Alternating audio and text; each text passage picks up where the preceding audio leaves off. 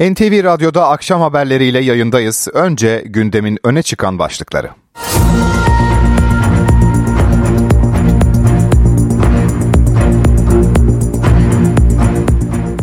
Cumhurbaşkanı Erdoğan Gazze mitinginde açılan bayrak tartışmasına ilişkin konuştu. CHP lideri Özgür Özel yerel seçim stratejisini açıkladı. Liderlerin mesajlarıyla başlayacağız.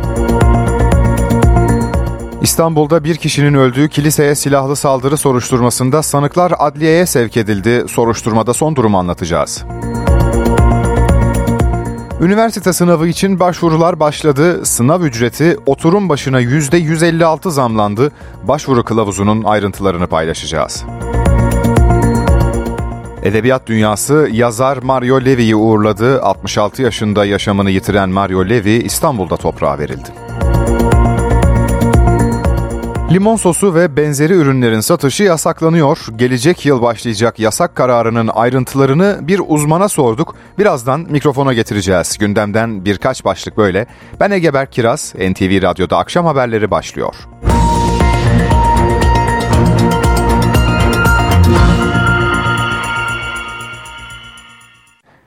Siyasetle başlayacağız dedik ama bir son dakika gelişmesi var. Kocaeli'de fabrikaya giren silahlı bir kişi işçileri rehin aldı. Olay yerine özel harekat polisleri sevk edildi. Şüpheliyi ikna çalışması sürüyor. Olay Gebze'deki bir fabrikada meydana geldi. Saat 15 sıralarında kimliği belirsiz bir kişi elindeki silahla fabrikanın ana binasına girdi. Şüpheli iddiaya göre İsrail'in Gazze'ye yönelik saldırılarını protesto etmek amacıyla işçileri rehin aldı. İhbar üzerine bölgeye çok sayıda polis ve sağlık ekibi sevk edildi. Kocaeli valisi Seddar Yavuz da bölgeye hareket etti. Ayrıca fabrika önüne özel harekat polisleri yönlendirildi. Cadde araç ve yaya geçişine kapatıldı. Saldırganı ikna çabaları sürüyor. Cumhurbaşkanı Recep Tayyip Erdoğan kelimeyi tevhid bayrağı tartışmasına ilişkin konuştu. Tartışma 1 Ocak'ta İstanbul'da düzenlenen Gazze eyleminin ardından başlamıştı. Muhalefete sert eleştiriler yönelten Erdoğan, şeriat düşmanlığı var dedi, şu açıklamayı yaptı. Son dönemde Türkiye karşıtı kimi çevreler tarafından aynı amaca hizmet eden çift kulvarlı bir kampanya yürütüldüğünü görüyoruz. Bunlardan ilki lümpen faşistlerin gündeme getirmeye çalıştığı İslamsız Türklük tanımlarıdır. Kampanyanın ikinci kulvarında ise farklı maskeler altında sahnelenen şeriat düşmanlığı vardır. İslam'ın hayata dair kurallarının bütününü temsil eden şeriata düşmanlık esasında dininin bizatihi kendisine usumettir. Bu ülkenin hukuku savunmakla görevli olan kimi baroları çıkıyor, kelimeyi tevhid lafzının yazılı olduğu bayraktan rahatsız oluyor.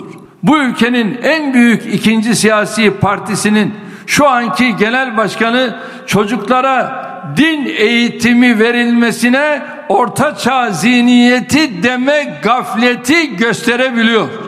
Türkiye'de sayıları az da olsa kimi çevrelerde şeriata yönelik sergilenen pervasızlıkların temelinde cehalet ve bilgisizlik hastalığı vardır.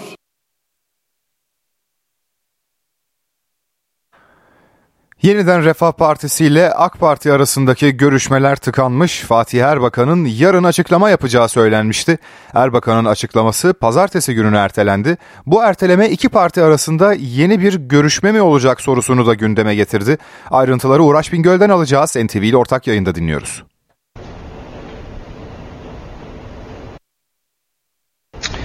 Evet yerel seçimlere kısa bir süre kala siyasi partilerin ittifak arayışları da devam ediyor. Bugün yeni bir gelişme yaşandı. Yeniden Refah Partisi ile AK Parti arasındaki heyetler e, yeniden görüşme kararı aldı. Saat 18.30'da yeniden Refah Partisi Genel Merkezi'ne e, Refah Partisi heyeti, özür dilerim AK Parti heyeti yeniden Refah Partisi Genel Merkezi'ne gidecek ve heyetler görüşecek. Aslında uzun süredir iki parti arasında işbirliği e, masadaydı, görüşülüyordu, heyetler oluşturulmuştu ama e, geçtiğimiz günlerde 30 Ocak'ta e, Yeniden Refah Partisi'nin Merkez Yürüt- Yürütme Kurulu toplantısı vardı. O toplantının ardından Genel Başkan Yardımcısı Suat Kılıç kameraların karşısına geçmiş ve e, ilişkilerin kesildiğini söylemişti. Görüşme yapmaya doğrusu gerek kalmadı açıklamasını yapmıştı. İşte bu kapsamda da yarın e, Cuma yarın e, Saadet e, Yeniden Refah Partisi Genel Başkanı e, Fatih Erbakan'ın İstanbul'da bir toplantı yapıp adaylarını duyurmasını bekliyordu ve seçim stratejisinin açıklamasını bekleniyordu ama bu toplantı ertelendi. Dediğim gibi yeni bir gelişme özellikle büyük şehirlerde her iki partide bir ittifak yapabilir mi? Bu soruların e, yanıtını arayacaklar son kez. Daha önceki görüşmeler dediğim gibi kesintiye uğramıştı. Evet e, yarınki toplantıda ertelendi Fatih Erbakan'ın İstanbul'da yapılacağı toplantı. Dediğim gibi hem seçim stratejisi hem de adaylar belirlenecekti. Onu da ilerleyen bir tarihe ertelendi. E, e, gelen bilgiler arasında saat 18.30'da AK Parti heyetinden e, Genel Başkan Vekili Efkan, Efkan Hala, Genel Başkan Yardımcısı Ali İhsan Yavuz ve Genel Başkan Yardımcısı Yusuf Ziya e, ziyarete gidecek ve yeniden masada özellikle büyük şehirler olmak üzere yeniden bir ittifak yapılabilir mi? Bu sorunun yanıtını arayacaklar e, heyetler. Evet yeni bir gelişmeydi. İttifak arayışları devam ediyor dedik. Cuma günü MYK kararının ardından bu görüşmeler kesilmişti. O yüzden önemli akşam saatlerinde gelen yeni bilgiyle, yeni gelişmeyle heyetler arası görüşme bugün devam edecek. 18.30'da yeniden Refah Partisi, yeniden Refah Partisi Genel Merkezi'ne AK Parti heyeti gidecek ve e, seçimlere yaklaşırken son kez bir değerlendirme toplantısı yapacaklar. Özellikle büyük şehirlerde ittifak yapılabilir mi, yapılmayacak mı? Bu sorunun yanıtını son kez arayacaklar. Ankara'dan Uğraş Bingöl aktardı. CHP Genel Başkanı Özgür Özel yerel yönetimler çalıştayında konuştu. Partisinin stratejisini anlattı. Türkiye İttifakı ifadesini kullandı. Genç seçmenden, yeni seçmenden yana bir sıkıntımız yok. Geçen sefer oy veren seçmene iyi ki oy vermişim. Bunlar devam etsin dedirtmek lazım. Ve bir bütün olarak bir Türkiye İttifakı'nı örmek lazım. Bunun için e, Türkiye İttifakı kimlerden oluşuyor sorusuna verilecek cevap siyasi partilerden oluşmuyor. Şehrini seven insanlardan oluşuyor. Dürüst insanlardan, iyi insanlardan, cesur insanlardan oluşuyor. Liyakate ödül verenlerden oluşuyor. Bu seçimin stratejisi elbette şöyle olacak. Yaptığımızı doğru anlatacağız. Övünmeyi bileceğiz. Umudu örgütleyeceğiz. Geçmişte örgütlediğimiz umudun nasıl başarıya dönüştüğünü anlatacağız. Bir gerçek var. Bu şehirleri bizlere kazandıranlar ve emanet edenler değişmedi. Bizi buraya getiren seçmen değişmedi. Yeni seçmen var. İyi Parti ve CHP arasında afiş tartışması sürüyor. İyi Parti sözcüsü Kürşat Zorlu istedikleri cevapları hala alamadıklarını söyledi. Değerli arkadaşlar ne zaman görülmüş bir siyasi partinin propagandası, milletine sunduğu taahhütlerin bir belediye tarafından belirlenmek istenmesine. Bunun siyasal rekabetle, demokrasiyle hiçbir alakası yoktur bu tutumun. Bu bakımdan biz ilgili şirketten yazılı olarak da bize bu cevabı vermelerini istedik. Hala bir cevap yok. CHP ile İyi Parti arasında afiş gerginliği devam ediyor. İyi Parti'nin seçim afişlerinin CHP'li belediyeler tarafından engellendiği suçlamasına CHP Genel Başkanı Özgür Özel şaşırdım sorup öğreneceğim yanıtını vermişti. İyi Parti sözcüsü Kürşat Zorlu doğru yerden bilgi almaları gerekiyor dedi. Sayın İmamoğlu ve Sayın Özel bu konuda bir açıklama yaptılar. Yanlış hatırlamıyorsam ikisinin de açıklamasının üzerinden 24 saat geçti. Herhangi bir olumlu seyir, adım, girişim olmamıştır değerli arkadaşlar. Ee, zannediyorum bilgiyi doğru yerden almıyorlar. Zorlu yerel seçimlere ilişkin partisinin hazırlıklarının da sürdüğünü söyledi. İyi Parti şu ana kadar 17 büyük şehir, 26 il, 265 ilçe ve 38 belde adayını açıkladı. Aday tespit çalışmalarının devam ettiği İyi Parti'de 11 Şubat pazar günü İstanbul adaylarının 24 Şubat cumartesi günü Ankara adaylarının tanıtımı yapılacak.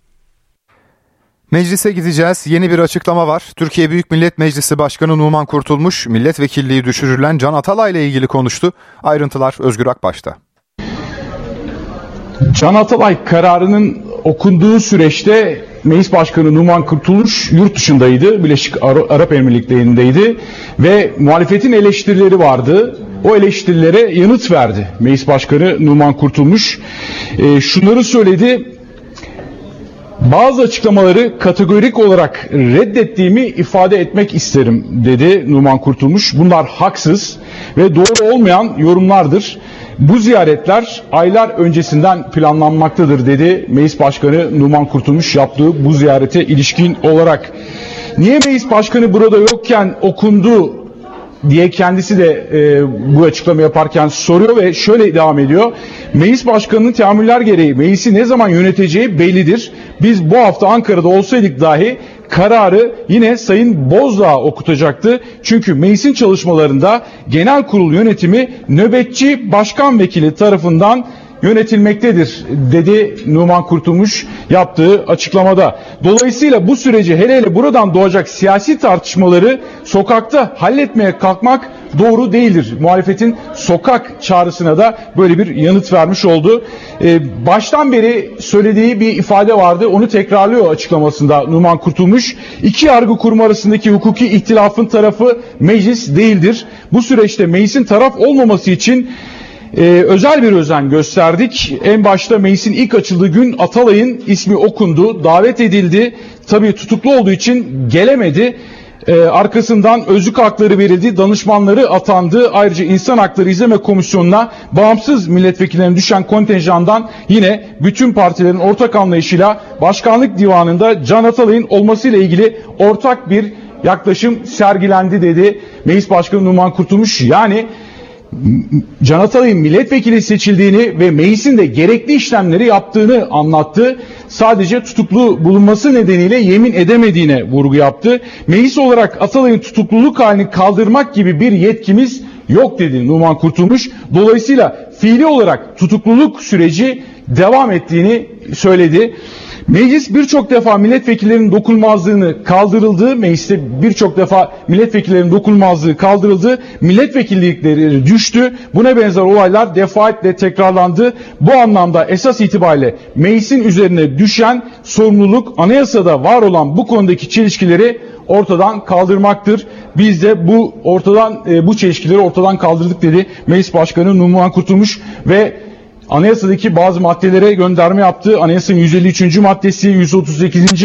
maddeleri yeniden düzenlenmesi ve 14. maddede devlete karşı işlenen suçları belirleyen faaliyetlerin daha sarı, daha açık bir hale getirmesi için bazı değişikliklerin yapılması gerekir dedi. Anayasada bulunan e, bu e, krize aslında yol açan maddelerin değiştirmesi yönünde bir teklifi de var e, Meclis Başkanı Numan Kurtulmuş'un. Bunlarla ilgili yeni düzenlemelerin yapılması gerektiğini ifade etti. Meseleyi şahsileştirmemek gerekir derken bu ya da benzeri problemleri sistematik olarak çözmenin meclisin görevi olduğunu hatırlatmak isterim. En önemli vurgusu Meclis Başkanı Numan Kurtulmuş'un anayasanın 153. 138.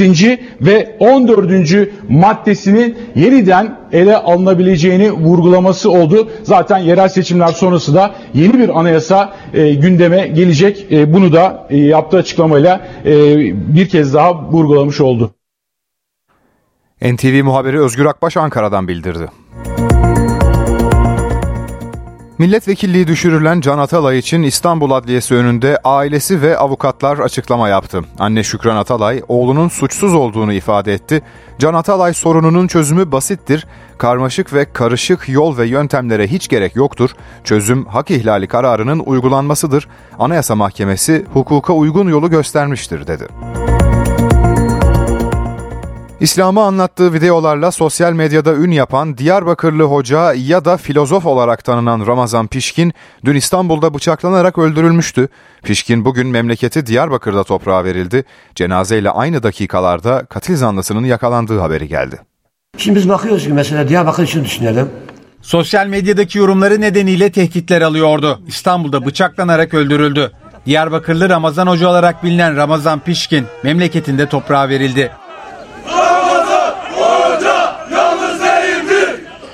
Pişkin'in katil zanlısı da cinayetten 24 saat sonra yakalandı. Cinayet çarşamba günü Pişkin'in işlettiği Fatih Cerrahpaşa'daki çay ocağında işlendi. Dükkana gelen bir kişi namaz kılan Ramazan Pişkin'i bıçakladı. Göğüs bölgesinden 3 bıçak yarası alan Ramazan Pişkin hastaneye kaldırılmasına rağmen yaşamını yitirdi. Sıfatlarıyla göz önünde bir ezzahirdir. Filozof Ramazan lakabıyla da tanınan Pişkin, Diyarbakır'da vatandaşları İslam'ı anlatıyordu. Yakın zamanda da İstanbul'a gelerek çay ocağı açmıştı. Din anlatarak para kazanılmaması gerektiğini söylüyordu. Tarikatlarla ilgili yaptığı olumsuz yorumlarla dikkat çekiyordu. İki hafta önce de sosyal medyada paylaştığı videoda tehdit edildiğini vurgulamıştı. Tarikatlar benim üzerimde yoğun bir kampanya var maalesef. Ben bu yola Yüce Allah'la geldim. Hiç kimseden korkum yok. Maalesef benim dükkanıma da kendini bilmez bazı insanlar geliyor. Cahiller Allah onları hidayet etsin. Geliyorlar burada ortalık karıştırıyorlar. Olay yerindeki güvenlik kameralarını inceleyen polis katil zanlısının kimliğini tespit etti. Zanlı Erkan Baykut'un İstanbul'da gözaltına alındığını İçişleri Bakanı Ali Yerlikaya duyurdu. 24 yaşındaki şüphelinin kasten yaralama, tehdit, mala zarar verme ve hırsızlık suçlarından 9 kaydı olduğu anlaşıldı. Ramazan Pişkin'in cenazesi otopsinin ardından memleketi Diyarbakır'a gönderildi. Ulu Cami'de kılınan namazın ardından da Çift Havuz mezarlığında toprağa verildi. Kent merkezinde toplanan kalabalık cinayete tepki gösterdi. İstanbul'da Santa Maria Kilisesi'ne yapılan silahlı saldırıyla ilgili gözaltına alınan 60 kişiden 34'ü adliyeye sevk edildi. Sarıyer'deki kilisede pazar ayini sırasında meydana gelen saldırıda 52 yaşındaki Tuncer Murat Cihan hayatını kaybetmişti. Saldırıyı gerçekleştiren Tacikistan uyruklu AK ve Rusya uyruklu DT'nin de aralarında bulunduğu 34 kişinin polisteki sorgusu tamamlandı. Sağlık kontrolünden geçirilen zanlılar İstanbul Adliyesi'ne sevk edildi. Gözaltındaki yabancı uyruklu 26 kişi ise sınır dışı edilecek. Türkiye Ziraat Odaları Birliği Ocak ayı market araştırmasını yayımladı. Buna göre en çok yeşil fasulye zamlandı. Üretici ile market arasında fiyat farkı en çok olan ürünse portakal oldu. Geçtiğimiz ay marketteki 42 ürünün 29'unda fiyat arttı. 13 üründe fiyat düştü. Ocak ayında markette fiyatı en fazla artan ürün %34,5'la yeşil fasulye oldu. Yeşil fasulyedeki artışı %30 ile salatalık, %28,5 ile ıspanak, %23 ile pırasa takip etti. Markette fiyatı en çok azalan ürün ise %20,5 ile kuru üzüm oldu. Veriler Türkiye Ziraat Odaları Birliği'nin Ocak ayı market fiyatı araştırmasından. Verilere göre üreticide 34 ürünün 24'ünde fiyat artışı olurken 2 üründe fiyat düşüşü gözlemlendi. Üretici ve market arasındaki fiyat farkı en yüksek ürünse %404 ile portakal oldu. Üreticide en fazla fiyat artışı %57 ile yeşil soğanda görüldü. Ocak ayında fiyatı en fazla artan ürün markette domates, üreticide yeşil soğan olurken fiyatı en fazla düşen ürün markette kuru üzüm, üreticide portakal oldu. Türkiye Ziraat Odaları Birliği Genel Başkanı Şemsi Bayraktar, üretimde sürdürülebilirliğin sağlanması için mazot desteğinin artırılması çağrısı yaptı. Mazot fiyatı son bir yılda %78.6 oranında arttı. Bu nedenle özel tüketim olarak düşünülmemeli ve vergi de konulmamalıdır. Ankara'da simit fiyatını 10 liradan 15 liraya çıkaracak zam geri alınmıştı. Ankara Simitçiler ve Pideciler Esnaf Odası Başkanı Savaş Delibaş yeni fiyatı 12,5 lira olarak açıkladı ve kararı ona için valiliğe sunduklarını söyledi. Delibaş 31 Mart seçimlerinden sonra simit fiyatının yeniden zamlanarak 15 liraya çıkabileceğini belirtti. NTV Radyo İsrail'in Gazze saldırıları 118. gününde. Can kaybı 27 bini aştı. Bombalardan uzak bölgelerde ise insani yardıma ihtiyaç duyanların sayısı artıyor. Gazze'liler İsrail iddiaları nedeniyle Birleşmiş Milletler yardımlarının kesilmesinden endişe duyuyor. İsrail, kurum çalışanlarının bazılarının Hamas üyesi olduğunu iddia etti. Birleşmiş Milletler Filistinli mültecilere yardım ajansına pek çok ülke bağışlarını durdurdu. Bu durum savaş nedeniyle zaten büyük bir insani krizle karşı karşıya olan Gazze'leri çaresizliğe sürüklüyor. Birleşmiş Milletler Filistinli mültecilere yardım ajansı binlerce mülteciden sorumluydu. Onların desteği olmazsa buradaki Filistinlilerin hayatı biter. Tüm Filistin halkının cezalandırılmasının hiçbir anlamı yok. Özellikle kadınlar ve çocuklar durumdan en çok etkilenenlerin başında geliyor. Ben kendisine bakacak kocası ya da çocukları olmayanlardan biriyim. Dulum ve Birleşmiş Milletler Filistinli mültecilere yardım ajansı olmadan yiyecek bulamayacağız ve benim gibi yüzlerce kişi var. Gazze'li siviller Birleşmiş Milletler yardımı olmadan ne yapacaklarını sorguluyor. Gazze'de Birleşmiş Milletler'in hizmetlerinin azaltılması burada yaşayanlar için büyük bir felaket olur. Barış zamanında buradakilerin %70'i Birleşmiş Milletler'den gelen yardımlarla ayakta duruyordu. Peki bu yardım olmadan ne olmasını bekliyorsunuz? Filistinli mültecilere yardım ajansının hizmetini tamamen durdurmadığını vurgulayan Birleşmiş Milletler, yardımı durduran ülkelere bağışlarına devam çağrısı yapıyor. Aralarında Oxfam ve Save the Children gibi 20 yardım kuruluşunun olduğu grup da bağışların devam etmesinin önemli olduğunu belirtti. Birleşmiş Milletler'in yaptığı yardımların yeri doldurulamayacak çapta olduğuna dikkat çekiliyor. Rusya-Ukrayna savaşı ise 3. yılına girecek. Ukrayna'da gündem Genelkurmay Başkanı'nın geleceği.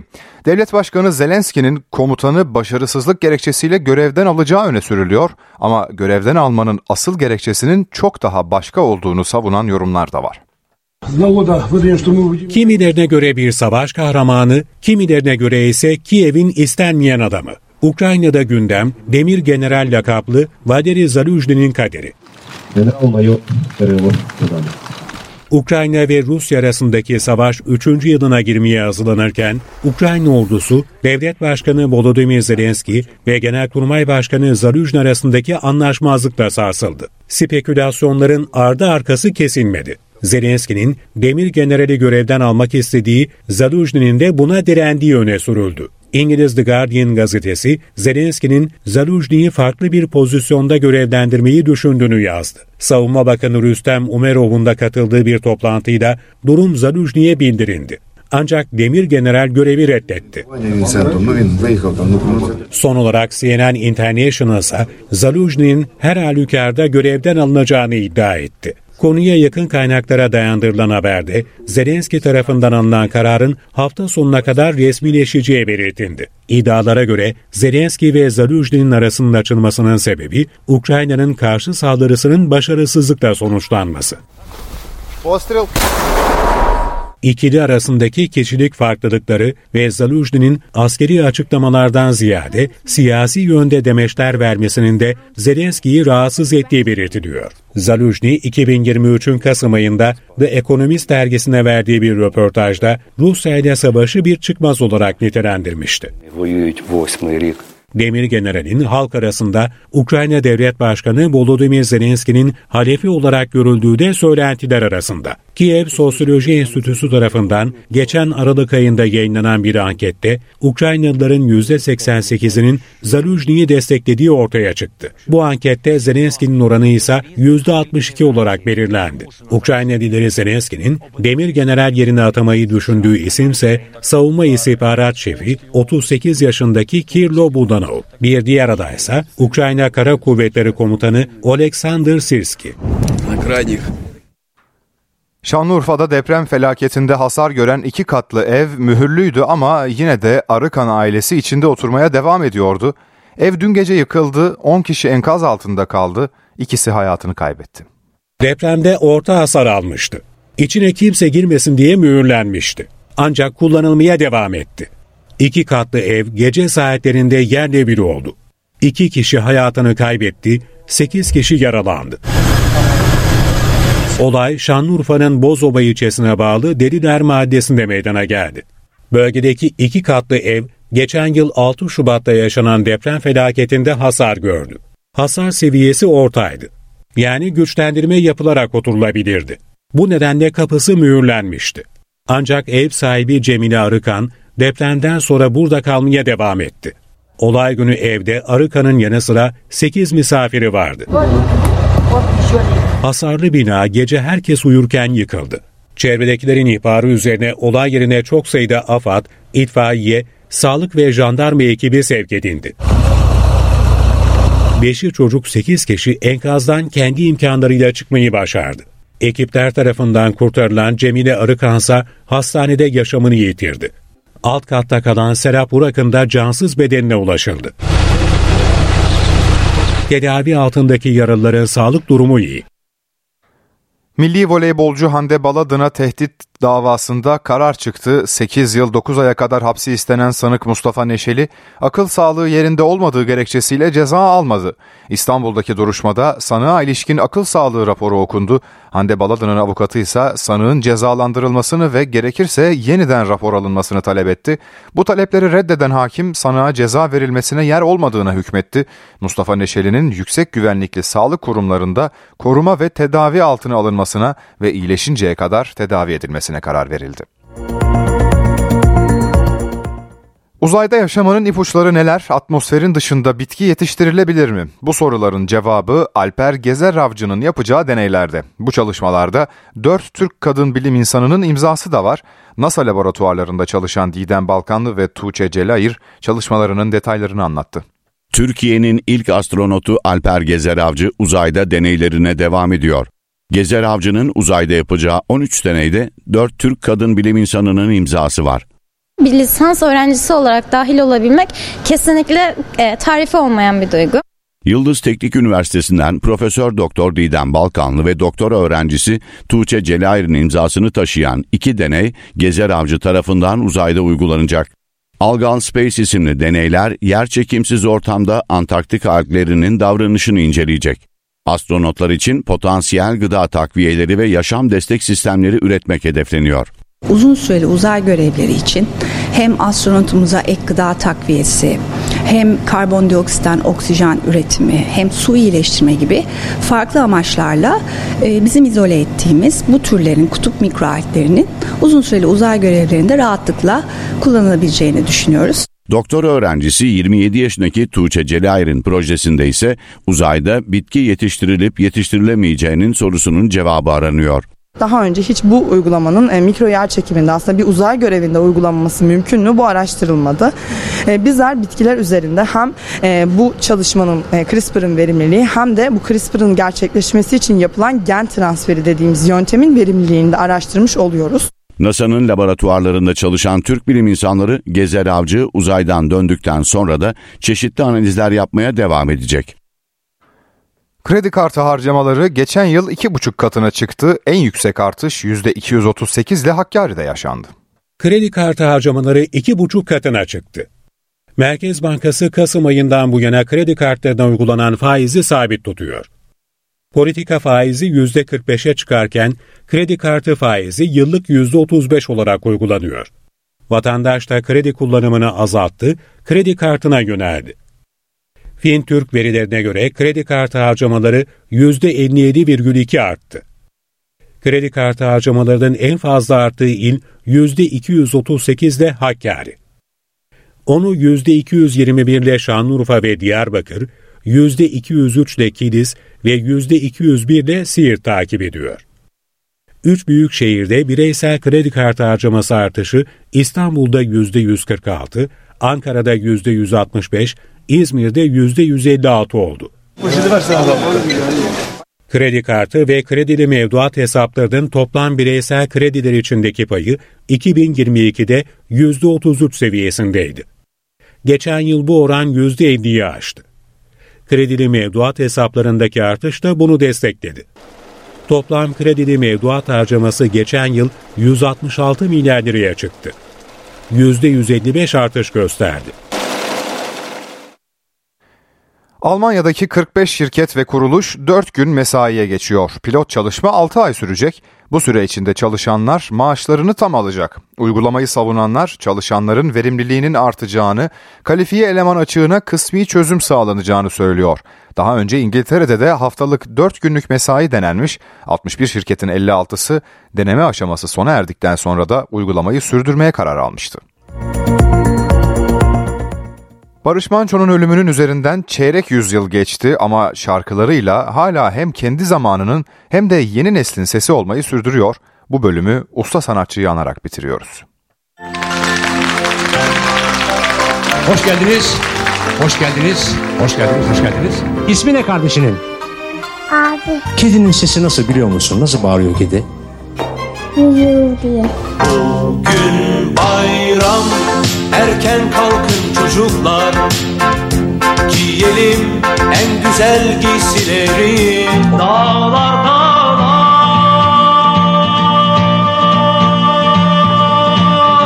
Kurban olam yol ver geçem Sevdiğimi son bir olsun. Yakından gör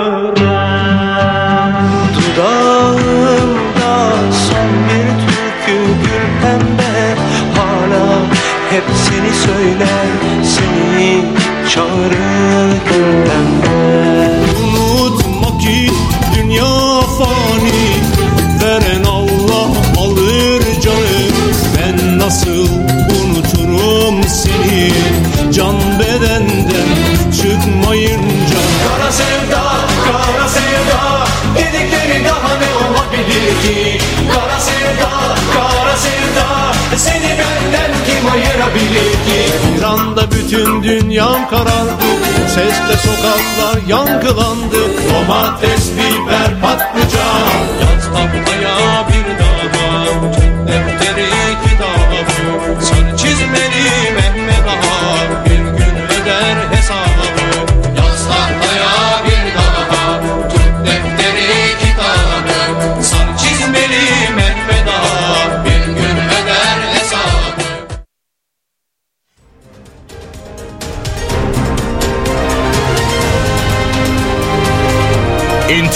Radyo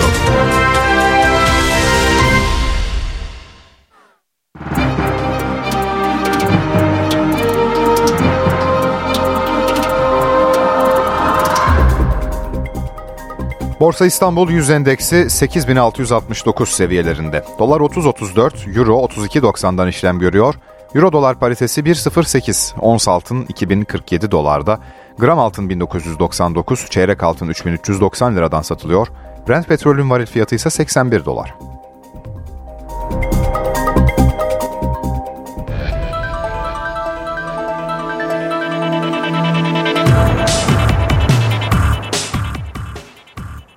Süper Lig bu hafta sonu dev bir maça sahne olacak. Dördüncü sıradaki Beşiktaş, üçüncü sıradaki Trabzonspor'u konuk edecek. İl Güvenlik Kurulu karşılaşmaya Trabzonspor taraftarının alınmayacağını açıkladı. Beşiktaş taraftarı da ilk yarıdaki maçta tribünde yer almamıştı. Karşılaşmanın bilet fiyatları 650 ila 11 bin lira arasında değişiyor. Ayrıca maçın hakemi de belli oldu. Mücadelede Arda kardeşler düdük çalacak. Karşılaşma pazar günü saat 19'da başlayacak. Galatasaray sağ bekini Premier Lig'de buldu. Sarı Kırmızılılar Sergio Aurier'in transferi konusunda hem Nottingham Forest hem oyuncu cephesiyle prensip anlaşmasına vardı. Fil dişi sahilli sağ bek milli takımıyla Afrika Kupası'nda mücadele ediyor. Oyuncunun temsilcisinin kısa süre içerisinde İstanbul'a gelerek resmi sözleşmenin imzalanması bekleniyor. Galatasaray'da sol bek arayışı da devam ediyor. Öne çıkan isimler Rıdvan Yılmaz ve Levent Mercan'la görüşmeler sürüyor. Fenerbahçe'de kadro yapılanması sürüyor. Sarı lacivertliler Emre Mor'u kiralık olarak Fatih Karagümrük'e gönderdi. Milli futbolcu sezon sonuna kadar Karagümrük'te forma giyecek. Emre Mor'un Fenerbahçe'de Haziran 2025'e kadar da sözleşmesi bulunuyor. Sarı lacivertlilerin yollarını ayırmayı düşündüğü Ryan Kent için de Lazio ve Başakşehir devrede. Milli futbolcu Enes Ünal kariyerini Premier Lig'de sürdürecek 26 yaşındaki forvet Bournemouth'la anlaştı. Sakatlığı nedeniyle sezonun ilk devresinde forma giyemeyen Enes Ünal, Getafe'de 5 maçta sahaya çıkabilmişti. Milli golcünün transferi için İspanyol ekibiyle anlaşma sağlayan Bournemouth, Enes Ünal'ı 16,5 milyon euroluk zorunlu satın alma opsiyonuyla kiraladı. Anadolu Efes'te kötü gidişatın faturası Erdem Can'a kesildi. Lacivert Beyazlılar baş antrenörüyle yollarını ayırdı. Anadolu Efes dün akşam Jalgiris'e 96-70 yenilmiş Euroleague'deki 15. mağlubiyetini almıştı. Lacivert Beyazlılar sezon başında geçtiğimiz yıl Euro yılın koçu seçilen Erdem Can'la 2 yıllık sözleşme imzalamıştı. Formula 1'de son yılların en büyük transfer hamlelerinden biri kapıda. Lewis Hamilton 2025 sezonu için Ferrari ile anlaştı. Sky Sport resmi açıklamanın bugün yapılacağını iddia etti.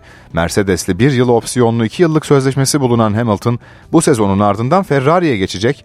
11 yıldır yarıştığı Mercedes'te 6 dünya şampiyonluğu kazanan efsane pilot son 2 sezonda eski formundan uzak. Red Bull hakimiyetinde geçen dönemde yarış zaferine ulaşamayan Hamilton 2021'den beri podyumun zirvesine çıkamıyor. 39 yaşındaki pilot şampiyonluk hasreti 17 seneye çıkan Ferrari'de Charles Leclerc'le birlikte yarışacak. Asya Kupası'nda son 8 takım belli oldu. Japonya ve İran çeyrek finali alan son iki ülke oldu. Asya Kupası'nda çeyrek finalistler belli oldu. Son 16 turunun son maçlarında İran ve Japonya rakiplerini yenmeyi başardı. Dört kez şampiyon Japonya Bahreyn'i 3-1 ile eledi. Japonya 31. dakikada Ritsu Doğan'la öne geçti. Kubo 59'da farkı ikiye çıkardı. 7 dakika sonra Ueda'nın kendi kalesine attığı golle fark yeniden 1'e indi. Aynı futbolcu 72'de bu kez Bahreyn ağlarını sarsmayı başardı. Son 16 turunun son maçında İran'la Suriye karşılaştı. Normal süre 1-1 tamamlandı. Tur vizesi penaltılarda 5-3 üstünlük sağlayan İran'ın oldu. Asya Kupası'nda çeyrek final programı da belirlendi.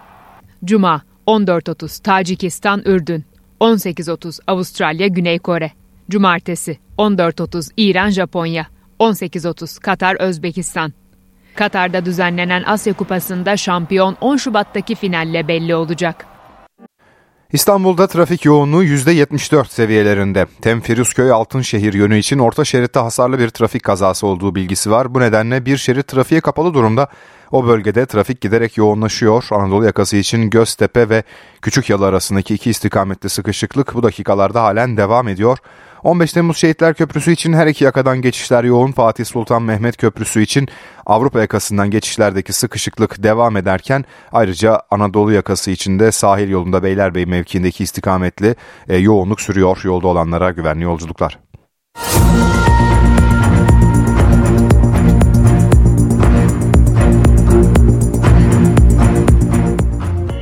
NTV Radyo'da gelişmeleri aktarmayı sürdürüyoruz. Türkiye Büyük Millet Meclisi Başkanı Numan Kurtulmuş, Birleşik Arap Emirlikleri dönüşü uçakta soruları yanıtladı.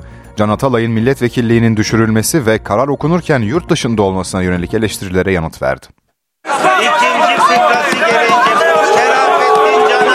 Can Atalay'ın milletvekilliğinin düşürülmesine ilişkin tartışma sürerken Meclis Başkanı Numan Kurtulmuş'tan ilk açıklama geldi. İki yargı kurumu arasındaki hukuki ihtilafın tarafı meclis değildir. Bu süreçte meclisin taraf olmaması için de özel bir özen gösterdik. Bizim yerel mahkeme adına karar verip meclis olarak Atalay'ın tutukluluk halini kaldırmak gibi bir yetkimiz yok. Dolayısıyla fiili olarak tutukluluk süreci devam etti. Bu anlamda esas itibariyle meclisin üzerine düşen sorumluluk anayasada var olan bu konudaki çelişkileri ortadan kaldırmaktır. Yargıtay 3. Ceza Dairesi'nin Atalay hakkındaki cezayı onayan kararın daha önce neden okutulmadığını da anlatan Kurtulmuş, kararın okutulmasında acele edilmeyerek hem ilgili milletvekiline hukuki yolları tüketme hem de yüksek mahkemelere aralarındaki iştihat farklılıklarını hal yoluna koyma imkanı verilmiştir dedi. Muhatap derece mahkemesidir ifadesini de kullandı. Karar okutulduğu sırada Kurtulmuş'un Türkiye'de olmaması da tartışmaya yol açmıştı. Meclis Başkanı o eleştirilere de yanıt verdi. Meclis Başkanı'nın teamüller gereği meclisi ne zaman yöneteceği bellidir. Biz bu hafta Ankara'da olsaydık dahi kararı yine Sayın Bozdağ okutacaktı. Çünkü meclisin çalışmalarında genel kurul yönetimi nöbetçi başkan vekili tarafından deruhte edilmektedir. Dolayısıyla bu süreci hele hele buradan doğacak siyasi tartışmaları sokakta halletmeye kalkmak doğru değildir. Milliyetçi Hareket Partisi Adana'da 3 ilçe başkanlığını kapattı. Ayrıca Genel Başkan Danışmanı Hüseyin Sözlü görevden alındı. Açıklamayı MHP Genel Başkan Yardımcısı Semih Yalçın yaptı. Yalçın'ın verdiği bilgiye göre ilçe başkanlıklarının kapatılma nedeni yerel seçim çalışmaları sırasında parti disiplini ve politikalarına aykırı davranışlar sergilenmesi. Bu gerekçeyle Kara İsalı, Sayın Beyli ve Yumurtalık ilçesi başkanlıkları kapatıldı. Görevden alınan siyasi ve yerel işlerden sorumlu Genel Başkan Başdanışmanı Hüseyin Sözlü tedbirli olarak Merkez Disiplin Kurulu'na sevk edildi. İsveç'in NATO üyeliğini onayın ardından Amerika Birleşik Devletleri ile F-16 görüşmeleri hızlandı. Milli Savunma Bakanlığı kaynakları son duruma ilişkin bilgi verdi. F-16'ların Ege'de kullanılamayacağına dair iddialar yalanlandı. ABD Kongresi'ndeki onay süreci 26 Ocak'ta başlamıştır. Türkiye, Amerika Birleşik Devletleri'nden F-16 alımı ve modernizasyonu için kongreden çıkacak kararı bekliyor. Milli Savunma Bakanlığı kaynakları kongre onayının ardından başlayacak sürece ilişkin bilgi verdi. Onaydan sonra Amerika Birleşik Devletleri'nin teklif ve kabul mektuplarının Türkiye'ye gönderileceği, sonrasında da teslimat sürecinin takvimlendirileceği bildirildi. Bakanlık kaynakları Yunan haber sitelerinde yer alan Türkiye yeni F-16'ları Ege'de kullanamayacak iddialarına da yanıt verdi. Kaynaklar iddia edildiğinin aksine F-16 tedariki ve modernizasyonu konusu herhangi bir şarta bağlı değildir ifadesi kullanıldı. Milli Savunma Bakanlığı kaynakları Amerika Birleşik Devletleri'nden gelen S-400 sorunu çözüldüğünde Türkiye F-35 projesine dönebilir açıklamasını da değerlendirdi. İki ülkenin de bu konudaki pozisyonlarında değişiklik olmadığını söyleyen kaynaklar, Amerika Birleşik Devletleri tarafından gelen açıklamaları bu aşamada iyi niyet beyanı olarak değerlendirmek gerekir dedi. Kaynaklar, Türkiye'nin Eurofighter savaş uçağı talebinin de sürdüğünü, bu konuda Almanya'nın olumlu görüşünün beklendiğini söyledi. Milli Savunma Bakanlığı'ndaki basın bilgilendirme toplantısında ise terörle mücadele operasyonlarına ilişkin son veriler paylaşıldı. Kararlılıkla icra edilen operasyonlarla Irak ve Suriye'nin kuzeyi dahil son bir haftada 63 terörist etkisiz hale getirilmiş. 1 Ocak 2023'ten bugüne kadar etkisiz hale getirilen terörist sayısı 2541'e ulaşmıştır. İsrail'in Gazze saldırısı 118 gündür sürüyor. Gündemde 6 haftalık yeni bir ateşkes planı var. Hamas planı değerlendiriyor. İsrail basını ise Amerikan yönetiminin silahsızlandırılmış Filistin devleti üzerinde çalıştığını iddia etti. İsrail askerlerin Gazze'den tahliye edilişini gösteren bir video servis etti. Videoda yaralı İsrail askerleri sedyelerle helikoptere taşınıyor. Askerler helikopterle tahliye ediliyor. Hamas'ın silahlı kanadı Kassam Tugayları ise İsrail tanklarına yapılan saldırıların montajlanmış videosunu paylaştı. Ancak görüntülerin nerede ve ne zaman çekildiği bilinmiyor. Savaşın 118. gününde İsrail'in Gazze'ye saldırıları sürüyor. İsrail ordusunun hedefinde güneydeki Han Yunus kenti var. Han Yunus'taki Nasır Hastanesi tank ateşi altında. Gazze kentine hava saldırıları da sürüyor. Nuseyrat kampı da bombalanıyor. Gazze'de savaşın biteceğine dair hiçbir işaret görülmezken masada yeni bir ateşkes planı var. Hamas kendisine sunulan 6 haftalık ateşkes planını değerlendiriyor. Hamas heyeti Kaire'de Mısırlı ve Katarlı ara bulucularla planın ayrıntılarını görüşüyor. İsrail tarafındansa anlaşmayı güçleştirecek açıklamalar gelmeye devam ediyor. İsrail basını, Başbakan Benjamin Netanyahu'nun bu açıklamalarının amacının Hamas'ın anlaşmayı reddetmesini sağlamak olduğu yorumunu yaptı. Netanyahu ise Birleşmiş Milletler Filistinli Mültecilere Yardım Ajansı'nın kapatılmasını gündeme getirdi. İsrail, 19 bin çalışanı bulunan ajansın bazı görevlilerinin Hamas'ın 7 Ekim saldırısına katıldığını iddia ediyor. İddialar üzerine başta Amerika Birleşik Devletleri olmak üzere ondan fazla ülke ajansa bağışları askıya aldı. Filistinliler yardımların kesilmesinin kendileri için ölüm emri olacağını belirtiyor. Netanyahu ise İsrail'i ziyaret eden Birleşmiş Milletler heyetine kısa adı UNRWA olan ajansın kapatılıp yerine yenisinin kurulması gerektiğini söyledi. Böylece Gazze'deki sorunların çözüleceğini iddia etti. Filistinliler yeni ateşkesin savaşı sona erdirecek ateşkes olmasını istiyor. İsrail basınında Amerika Birleşik Devletleri'nin savaş sonrası bağımsız Filistin devletini tanıyabileceğine dair haberler çıktı. Jerusalem Post gazetesi haberini Amerikalı yetkililere dayandırdı. Habere göre Dışişleri Bakanı Antony Blinken, bakanlık personelinden Filistin devletinin uluslararası arenada tanınması seçeneğinin incelenmesini istedi. Amerikan yönetimi silahsızlandırılmış Filistin devleti üzerinde çalışıyor. Yüksek Öğretim Kurumları sınavı başvuruları başladı. Sınav ücreti oturum başı 295 liraya yükseldi. Eğitim uzmanlarına göre yüksek zam nedeniyle başvuru sayısı düşebilir. 8-9 Haziran'da yapılacak üniversite sınavına başvurular başladı. Yeni ücretler açıklandı. Sınav ücretlerinde geçen seneye oranla %156 artış var. E, maksimum bir tane sınavın en fazla 150 lira falan olması lazım. Geçen seneki gibi 115 TL kalabilirdi. Hani bu kadar zamın gelmesine bence gerek yoktu. Ön lisans programları için zorunlu olan temel yeterlilik testine girecek öğrenciler 295 lira ücret ödeyecek. 4 yıllık lisans programlarına kaydolmak isteyen öğrenciler için temel yeterlilik ve alan yeterlilik testleri için toplam 590 lira ödeyecek. Yabancı dil testine de girmek isteyenler içinse 3 oturumun toplam ücreti 885 liraya yükseldi. TYT, AYT, YDS sınavlarına gireceğim. Şu andan bile biriktirmeye başladım ben şu anda kendi sınav ücretimi çıkartmaya. İki sınav için 590 lira çok fazla bence.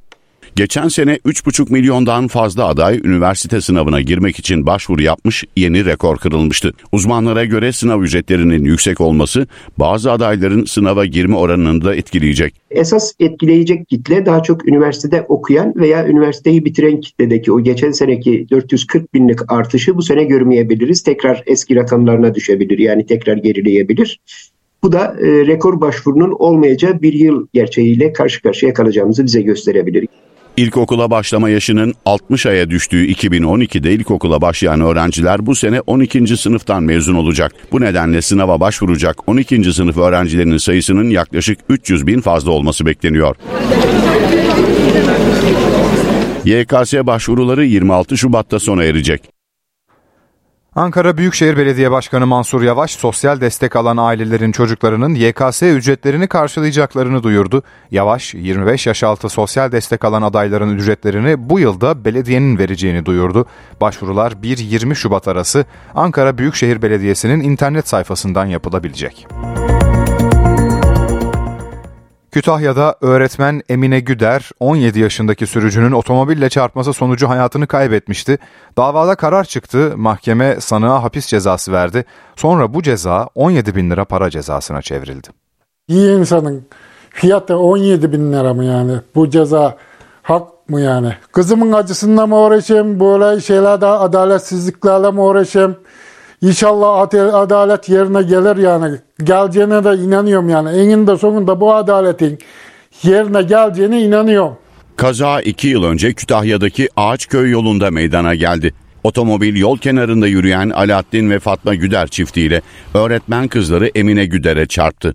Yaralılardan durumu ağır olan 32 yaşındaki Emine öğretmen kurtarılamadı. Sosyal bilgiler öğretmeni olan Güder nişanlıydı. Evlilik hazırlığı yapan öğretmenin 28 gün sonra düğünü vardı. Kaza sonrası sürücü olduğunu beyan eden kişi ifadesinin ardından serbest bırakıldı. Şüpheli aracı aslında 17 yaşındaki kardeşinin kullandığını itiraf etti. Savcı sanığın yaşı kaza tarihinde 18'den küçük olduğu için ceza indirimi istedi. Mahkeme önce 3 yıl 6 aya hükmetti. Daha sonra 17 yaşındaki ehliyetsiz sürücünün cezası 2 yıl 4 aya düşürüldü.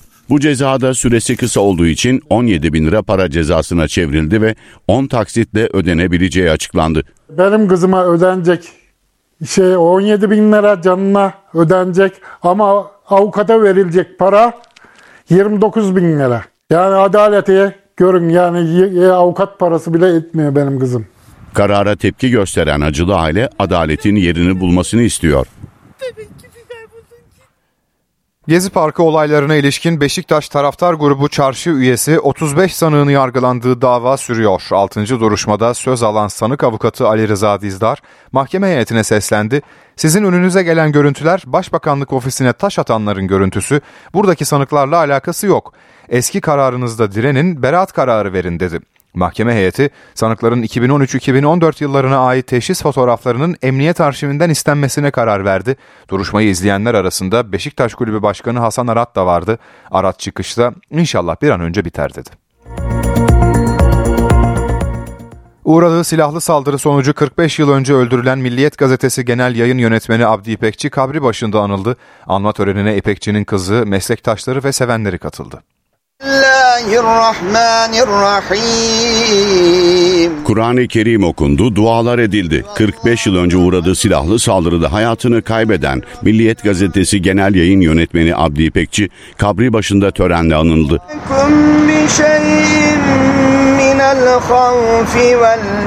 İstanbul Zincirlikuyu mezarlığındaki anma törenine İpekçi'nin kızı Nüket İpekçi İzzet, aile yakınları, gazeteci dostları ve Milliyet Gazetesi çalışanları katıldı. Anma töreninde konuşan İpekçi'nin kızı Nüket İpekçi İzzet, aradan geçen 45 yıla rağmen suikastin hala tam olarak aydınlatılamadığını söyledi. Kahraman katiller, mert maşalar, gaspçı avcılar ve meczupları seyretmeyi sürdürmekteyiz. Bazen yüzlerini gizliyorlar, bazen isimlerini. Dostları, aileleri, dernekleri, partileri onlarla halen gurur duymakta. İpekçi 1 Şubat 1979'da Nişantaşı'nda Mehmet Ali Ağaca tarafından öldürüldü. Suikasten bir gün sonra yakalanan Ağaca sadece 4 ay kaldığı Maltepe cezaevinden kaçırıldı. Gıyabında idama mahkum edilen Ağaca 13 Mayıs 1981'de Papa II. Jean Paul'e suikast girişiminde bulundu. İtalya'da ömür boyu hapis cezasına çarptırıldı. 1 Şubat 1979 yılında karanlık ellerin tetiği çektirdiği bir cinayet Abdi İpekçi'yi ailesinden, arkadaşlarından, ülkesinden aldığında demokrasi açısından da bir kırılma yaşandı. Papa tarafından affedilen Mehmet Ali Ağca 13 Haziran 2000 yılında Türkiye'ye iade edildi. Türkiye'de 10 yıl cezaevinde kaldıktan sonra tahliye edildi. Ağca soy ismini Aslan olarak değiştirirken suikastin azmettiricileri ise halen bulunamadı. Edebiyat dünyasının önemli isimlerinden yazar Mario Levi bugün son yolculuğa uğurlandı. Levi için Acıbadem Musevi mezarlığında tören düzenlendi. Benim en derin vatanım Türkçe. İz bırakan satırların sahibiydi. 66 yaşında hayatını kaybetti. Bir süredir kanser tedavisi gören yazar Mario Levi İstanbul'da toprağa verildi. Hiçbirimiz çok büyük bir dervişlik mertebesine eriştiğimiz iddiasında olamayız. Mario Levi için Acıbadem Musevi mezarlığında tören düzenlendi. Tören kalabalıktı. Ailesi ve yakınlarının yanı sıra sevenleri, edebiyat dünyasından isimler ve öğrencileri de usta yazarı uğurladı. Türk Edebiyatı'nın en önemli kalemlerinden biriydi. Çok kıymetliydi. Hem okurları için, hem öğrencileri için, hem de biz arkadaşları için. Böyle çok yönlü bir hüzün yaşıyorsunuz böyle durumlarda. Yaşam çizgimiz bayağı e, kesişti uzun süre. İyi bir dostluk kurduk. Evet, insancıl, e, sevgi dolu bir kardeşimizdi. Dikkatli, nazik bir kardeşimizdi. E, yaratıcı ve üretici, üretken bir kardeşimiz görüyoruz kitaplarından. Pazartesi günü İstanbul Sarıyer'deki kilise saldırısının ardından cenaze töreni için Musevi mezarlığı çevresinde yoğun güvenlik önlemi alındı. Polis kimlik ve çanta kontrolünün ardından ziyaretçileri içeri aldı. Mario Levi ilk kitabını 1986 yılında çıkardı. 1990 yılında yazdığı Bir Şehre Gidememek Haldun Taner Öykü Ödülünü kazandı. Şişli benim çocukluğumu, ergenliğimi, e, gençliğimin belli bir bölümünü geçirdiğim mekan. Mario Levi İstanbul sevgisiyle bilinirdi. Çok yönlüydü. İletişim eğitmeniydi. Öğretmeyi severdi. Yazarlık dersleri verdi. Fransızca öğretmenliği yaptı. Aynı zamanda gazetelerde yazı yazdı. Televizyon ve radyo programları yaptı. NTV'de Ahmet Ümit ve İskender Pala'yla hayata ve edebiyata dair Önce Söz Vardı programında da birikimini paylaştı. Son olarak Oksijen gazetesinde yazıyordu. NTV Radyo 6 Şubat depremlerinde büyük acılar yaşandı. O acıların en büyüğünü ise hala yakınlarının cenazelerine ulaşamayanlar yaşıyor. Selahattin ve Fatma Kılıç çifti onlardan biri. Acılı çift torunlarının görüntüleriyle teselli bulmaya çalışıyor.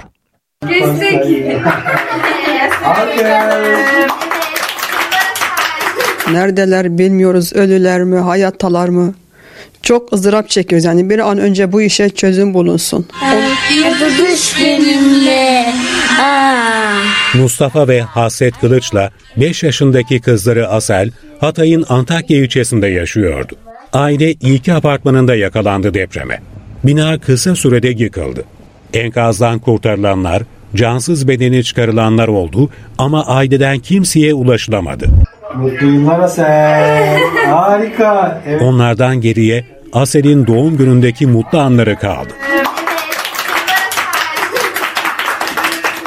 Bir hafta boyunca başındaydık. Enkazdan çıkmadılar. Enkazda iki defa daha taradık. Yine çıkmadılar. Aldığımız haberlere göre orada AFAD yaklaşık 10 kişiyi kurtarmış. Hastaneler göndermiş. Ama bunlardan hiçbir haber alamadık. Asel'in dedesi Selahattin Kılıç'la babaannesi Fatma Kılıç günlerini o enkazın başında geçirdi. Çocuklarına ait bir iz aradı. Gezmediğim hastane Türkiye'de kalmadı. Gitmediğim yer kalmadı. Emniyete, savcılıklara e, DNA örneği verdim. E, ben ve gelinin ailesi de verdi. Herhangi bir eşleşme yok. Bir yıldır bir insan ölmüşse eşleşme olmaz mı? Ben de böyle şöyle göstereyim nasıl yaptığımı. Acılı çift özlemleri torunlarının çektiği görüntülerle gidermeye çalışıyor. Adana ve Hatay'da narenciye üretimi devam ediyor. Bu yıl üretim bol ama toplayacak işçi bulunamadı. Sorun özellikle Hatay'da büyük. Ziraat odaları Afrika ve Türkiye Cumhuriyetlerden işçi getirilmesini istiyor. Narenciye hasadında işçi bulmak zorlaştı. Ürünler dalında kaldı. Portakal, mandalina ve limon bu yıl oldukça bol. Ürün bol olunca fiyat geriledi. Eylül'de tarlada fiyatı 5 lira olan narenciye bir ara 1 liraya kadar indi. Buna bir de işçi bulamama sorununu eklenince çoğu çiftçi üretimden vazgeçti. Adana'da 850 bin dönüm alanda 3 milyon 200 bin ton dekolte var. Dekolte yüksek olduğu için ilk etapta biz Eylül'le aralığın 20'sine kadar mevsimlik tarım işçisi bulmakta zorlandık. Biz bu ürünleri bu yıl toplamakta bayağı zorlandık. Erkenci ürünlerin çoğu ağaçta kaldı. Adana'da mevsimlik tarım işçisi sorunu Ocak ayı ile birlikte çözüldü. Ancak depremin vurduğu Hatay'da sorun devam ediyor.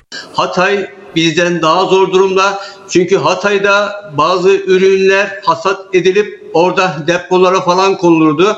Oradaki depolar da yerle bir edildiği için oradaki çiftçimiz Adana göre biraz daha mağdur. Biz Türkiye Cumhuriyetlerinden ve Afrika'dan ucuz emek işçileri buraya getirip de burada bunların barınma sorununu gidermediğimiz sürece biz her yıl bu sıkıntıyı yaşayacağız. Sektör yetkililerine göre narenciyenin tarla fiyatı son haftalarda yükselişe geçti. İki hafta önce dalında 5 lira olan mandalina 7,5 liraya çıktı. Portakalın kilosu ise 4-5 lira civarında. Nar ekşisi izlenimi veren sos ve şuruplara gelen satış yasağının ardından benzer bir kararda limon suyu izlenimi veren ürünler için alındı. Uygulama gelecek yıl başlayacak. Limon suyu izlenimi veren limon aromalı sos, limon sosu, limonlu sos ve benzeri isimlerdeki ürünlerin satışı 31 Aralık 2024'ten sonra yasaklanacak. Bu kararı tüketici için önemini gıda mühendisi Ebru Akdağ ile konuştuk.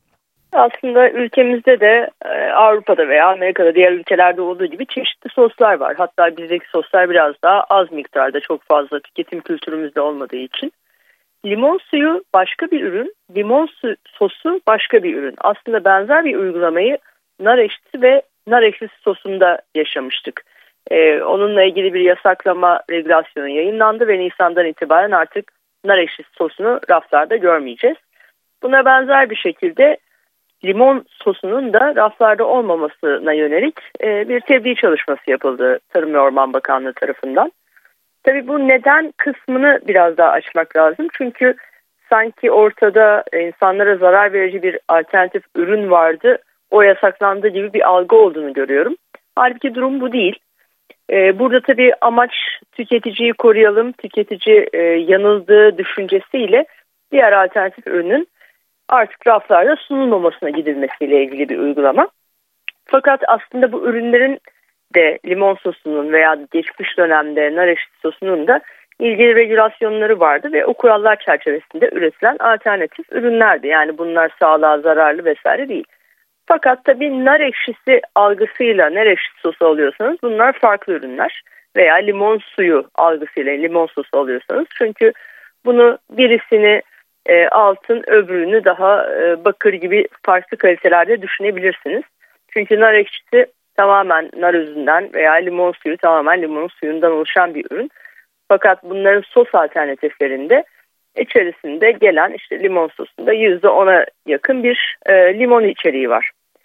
E, fakat bu bir sos. Aslında e, burada asıl çözüm yasaklamak mı derseniz ben bir gıda mühendisi olarak daha çok tüketiciyi bilinçlendirmek e, daha anlamlı olur diye düşünüyorum.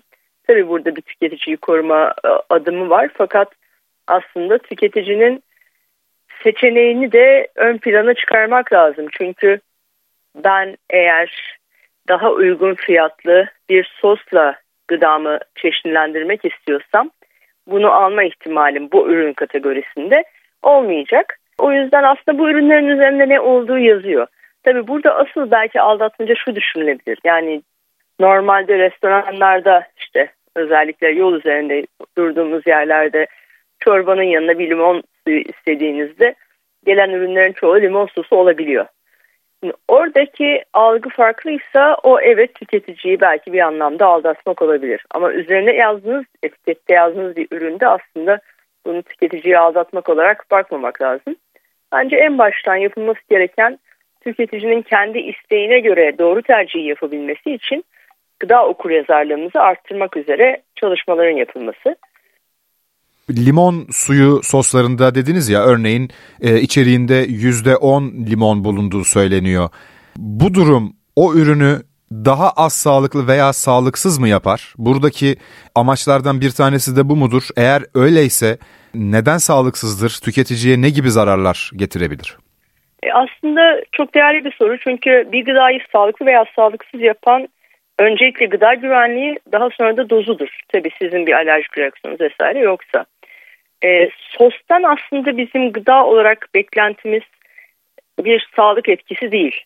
Tabii nar ekşisi kendi içerisinde nar özütü çok yüksek olan veya limon suyu limon özütü çok yüksek olan ürünler olduğu için daha pozitif algılanabilir ama diğerini zararlı demekten öte tüketim dozunu doğru kullandığınız zaman aslında yani çok fazla abartmadan tüketildiği zaman eğer siz bunu sağlık algısı değil de çeşitlendirmek için yapıyorsanız sonuçta bu sizin sağlığınıza zararlı bir şey değil. Zaten e, regülasyonlara kendi başına insan sağlığını negatif etkileyecek bir gıdanın girmesi de söz konusu olamaz. Daha önceden zaten bunlar da regülasyonlarda yer alıyordu. Dediğim gibi burada sadece tüketici e, nar ekşisi almak veya limon suyu almak isterken limon sosu alıyor şeklindeki bir durumdan dolayı tüketicinin korunmasına yönelik bir durum söz konusu. Ama sağlıksızdı. Biz bu zamana kadar bunu tükettiğimiz için zarar gördük demek doğru olmaz.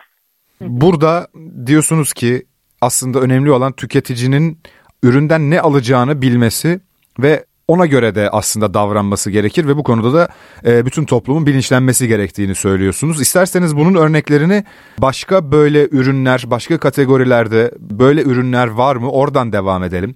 Örneğin başka hangi ürünler böyle ve o ürünleri alırken tüketici e, ne aldığını nasıl bilebilir? Böyle ilerleyelim isterseniz. İlk aklıma gelen aslında meyve suyu ve benzeri ürünler. Orada yine tüketicinin çok farkında olmadan davrandığı belki bir şey var. Fakat dediğim gibi ürünlerin üzerinde ismi yazıyor. Çünkü hem Avrupa'da hem Türkiye'de meyve suyu ve benzeri ürünler aslında dört ana kategoriye ayrılır. Birisi %100 meyve suyu tamamen meyve suyundan elde edilir nasıl limon suyunda olduğu gibi. Diğeri meyve nektarı biraz daha az meyvesi vardır. Daha az meyve oranı içeren meyveli içecek ve neredeyse hiç içermeyen aromalı içecek vardır.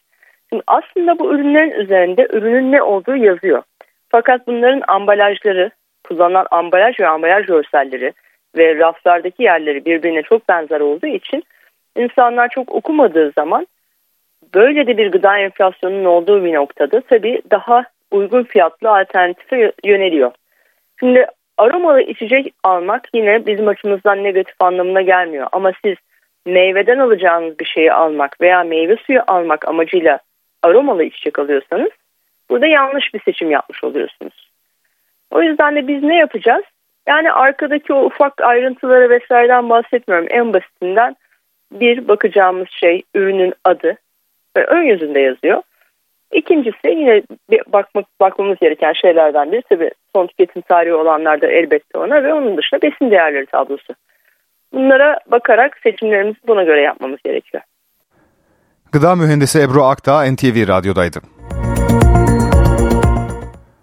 Amerika Birleşik Devletleri Başkanı Joe Biden, Ürdün'deki üsse yapılan saldırıya nasıl karşılık vereceklerini netleştirdiklerini açıklamıştı ama ayrıntı vermemişti. Ayrıntıları Amerikan CBS televizyonu duyurdu. NTV Washington temsilcisi Hüseyin Günay'ın notlarını dinleyelim. Ancak bazı gazeteler ve televizyonlar artık yönetim içinden bazı kişiler aracılığıyla bu bilgileri doğruladıklarını haberleştirmeye başladılar. İddia şu, Amerika İran unsurlarını veya İran'ın desteklediği grupları nasıl vuracağını artık kararlaştırdı ve Biden da imzalayarak bunu onayladı. Şöyle bir saldırı taktiği gerçekleştirecek Amerika Birleşik Devletleri. İran'ı beklendiği üzere kendi ülke topraklarında vurmayacak. İran toprağı vurulmayacak. Ancak birden fazla farklı ülkedeki İran destekli gruplar ve İran personeli vurulacak. İki ülke seçilmiş. Irak ve Suriye zaten şaşırtıcı değil. Bölgenin e, en istikrarsız iki noktası. Burada bulunan İran personelinin kullanmış olduğu binalar var. Bazısında İran bayrağı var, bazısında irtibat bürosu, bazısında iletişim bürosu şeklinde tabelalar asılı. Ancak tabi uluslararası e, toplum veya camia veya devletler o binaların İran için çalıştığını biliyorlar. Amerikalılar bu iki ülkedeki İran personelini ve İran binalarını hedef alacak. Saldırı bir günde veya bir sortiyle yapılıp bitmeyecek. Saldırı birden fazla güne yayılacak. Ee, burada anladığım kadarıyla bunu daha fazla bir güç gösterisine dönüştürmek istiyor Amerika Birleşik Devletleri. Çünkü isteseler bir günde de bütün hedefleri vurabilirler. Ancak bunu birkaç güne yayarak bu noktada Amerika Birleşik Devletleri'nin kararlılığını göstermek istiyorlar. Şimdi Amerika içerisinde iki tartışma konusu var. Bir tarafta biz bize direkt saldıran kişinin İran olduğunu söylüyoruz. Ancak onlara yanıt verirken onların etrafında dolanıyoruz. Yani onların etrafındaki ülkeleri vuruyoruz. Bu İran'ın e, bize saldırmasının önüne geçmeyecek. Caydırıcı bir saldırı olmayacak. O yüzden direkt İran'ı vuralım diyenler var. Savaş tamtamları, Lindsey Graham onlardan bir tanesi. Son 5 gündür sabah öğlen akşam yemek yer gibi 3 öğün savaş tweetleri atıyor. Bir de Joe Biden'ın şu an imzalandığı iddia edilen stratejisini destekleyenler var. Bir sıcak çatışmadan uzak durulması gerektiğini, bölgede zaten yukarıda kuzeyde Yunanistan ve e, Ukrayna e, Rusya ve Ukrayna savaşı, aşağıda İsrail ve Hamas savaşı yeni bir cephe açmanın Amerika Birleşik Devletleri'ne en azından şu noktada kar sağlamayacağını söyleyenler var. Biden yönetimiyle özellikle köşe yazarlarına baktığımızda Biden yönetiminin de bu İran yanıtına seçim yılında ihtiyaç duyduğunu söylüyorlar. Çünkü şöyle bir geriye baktığımızda Amerika Birleşik Devletleri başkanlık e, süreçlerinde başka bir ülkeye savaş açmış veya e, büyük bir saldırı gerçekleştirmiş hiçbir Amerikan başkanı seçim kaybetmemiş. E, öyle görünüyor ki önümüzdeki günlerde bu saldırı gerçekleşecek. Ayrıntıları NTV Washington temsilcisi Hüseyin Günay'dan aldık. İzmir'de taksi şoförü aracını aldığı müşterinin silahlı saldırısına uğradı. Olay araç içindeki kamera tarafından an be an kaydedildi. Müşteri kapüşonlu ve maskeliydi. Tartışma da buradan başladı. Tam gazı Emre. Çalışmayacağım zaten araba arızalı. Sanayiye bırakacağım sabah arabayı. Nasıl dedim hadi alıvereyim. Size soğuk hava. İnsanları yolda bırakmak olmaz. Aracı servise götürecekti ama genç yolcuyu üşümesin diye aracını aldı. Yolcu taksi şoförünü vurdu. Araçta para arayan saldırgan şoföre bir de nasihat verdi. Ya bazı insanlara güvenmeyeceksin. Taksici Oğuz Erge yol kenarındaki bir müşteri için durdu. Araca binen zanlı kapüşonlu ve maskeliydi. Şoföre bir süredir taksi beklediğini ama kimsenin durmadığını anlattı. Ben caddeye çıktığımda 3-4 tane taksi boş geçti. Kaldırdı da durmadı. Sen öyle o maskeyi takarsan kimse durmaz abi. Şoför Oğuz Erge ise aracını arızalı olduğu için servise götüreceğini ancak hava soğuk diye kendisini yolda bırakmak istemediğini anlattı. Ben de abi ben niye alacağım? İnsan bizim bu havada sokaktan bırakılır. Baksana dışarısı buz kesiyor. Taksi şoförünü bir süre yanlış adreste gezdiren yolcu daha sonra inmek istediğini söyleyerek aracı durdurdu. Cebinden para çıkarır gibi yapan zanlı tabancayla şoföre üç el ateş etti. Şoför Oğuz Erge acı içinde kıvranırken saldırgan 10 dakika boyunca araç içerisinde para aradı. Yaralı şoföre tokat atan saldırgan bazı insanlara güvenmeyeceksin dedi. Ya bazı insanlara güvenmeyeceksin. Ameliyata alınan şoförün durumu ağır. Olayın ardından kaçan saldırgansa silahıyla birlikte yakalandı. Bu bölümü Kültür Sanat Servisi'nin hazırladığı haber turuyla noktalıyoruz. Türkiye'nin ilk modern ve çağdaş sanat müzesi İstanbul Modern'in Galata Port içindeki yeni binası National Geographic'in hazırladığı dünyanın en iyileri listesine girdi. Listede en iyi 20 kültürel mekandan biri seçilen ve seyahat etmeye değer bulunan İstanbul Modern, müzenin kurucu sponsoru Eczacıbaşı Topluluğu ve ana sponsoru Doğuş Grubu Bilgili Holding'in ortak katkısıyla inşa edildi. Müze binası ve seyir terasının yanı sıra Fahrel Nisa Zeyd'in soyut tablolarından, şık restoranından ve sergilediği video yapıtlardan övgüyle bahsedilen İstanbul Modern, 13 Ocak'ta Architectural Digest'ın belirlediği 2024'ün harika eserleri listesinde yer almıştı.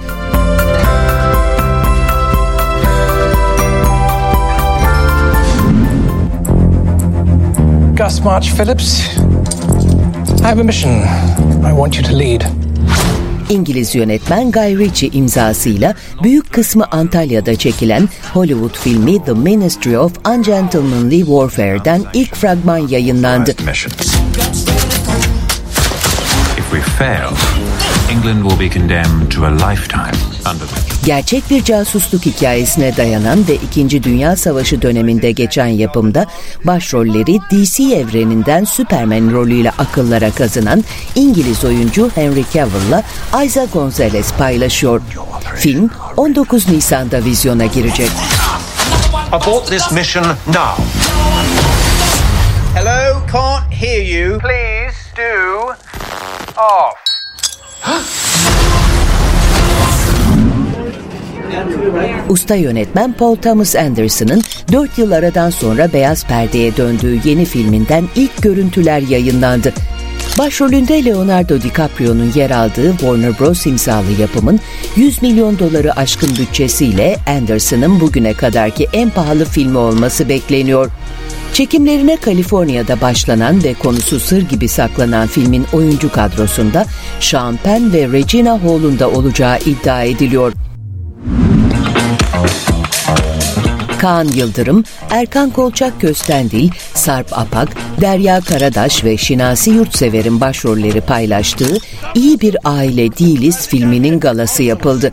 O kadar amca var bu dünyada. Tuttunuz bizim amcamızı mı? Bu amcam ne?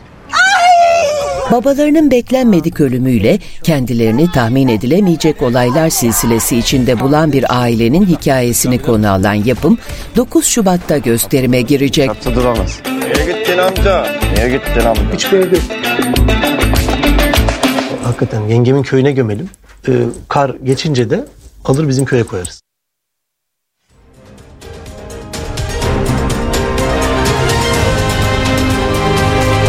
NTV Radyo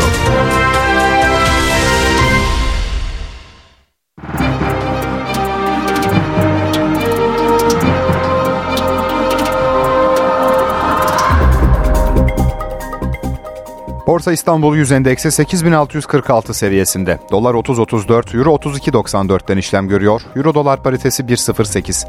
Ons altın 2048 dolarda, gram altın 1999, çeyrek altın 3391 liradan satılıyor. Brent petrolün varil fiyatı 81 dolar.